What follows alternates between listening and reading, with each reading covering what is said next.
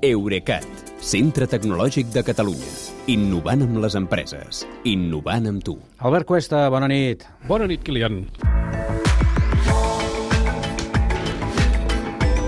Passades ja les eleccions de mig mandat als Estats Units, altra cosa és que serveixin de gaire, perquè sembla que haurem de repetir en algun lloc, arriben sí. els acomiadaments a meta. I són més dels que tu ja havies previst, fins i tot.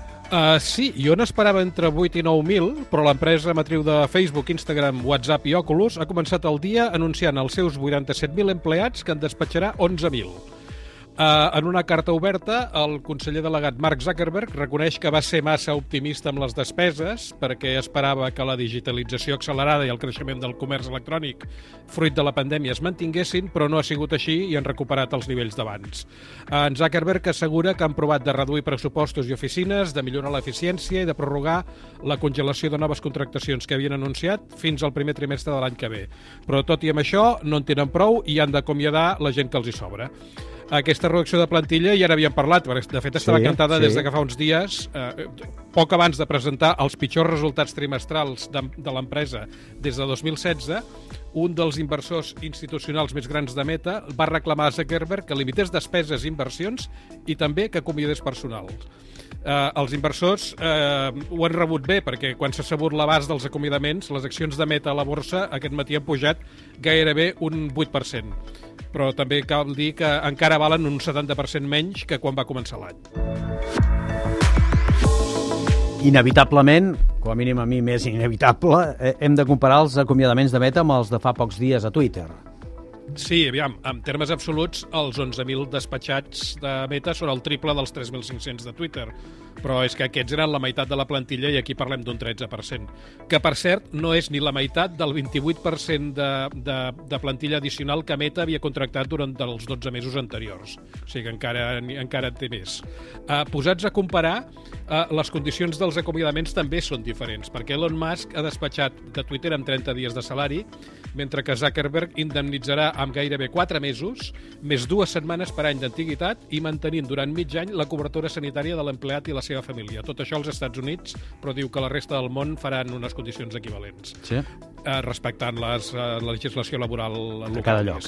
Mm. Eh, també també s'ha de dir que Musk va aterrar Twitter des de fora amb intenció de corregir els errors dels directius anteriors mentre que Zuckerberg, diguem, s'ha de fer perdonar els errors propis. Ja, parlant d'errors, no sé si ho és, eh? eh? la gran aposta de Zuckerberg, que pel futur és, pel futur de Meta, és el metavers. Està molt obsessionat amb això i està dedicant molts esforços. Ah. L'afectaran el metavers els acomiadaments? Ell diu que no. Eh, és que, entre altres coses, imagina't com quedaria Zuckerberg després d'haver canviat el nom de l'empresa pel de Meta.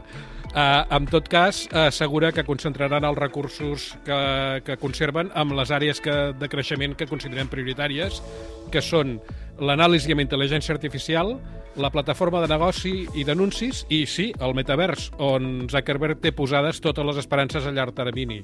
I les té posades perquè és un entorn on, si li funciona, que ja ho veurem, podrà explotar lliurement les dades dels usuaris sense haver de dependre de les limitacions que li imposin els dos grans intermediaris actuals dels seus serveis, que són Apple i Google, que són els que controlen les, els mòbils eh, a través dels quals eh, Meta presta els seus serveis.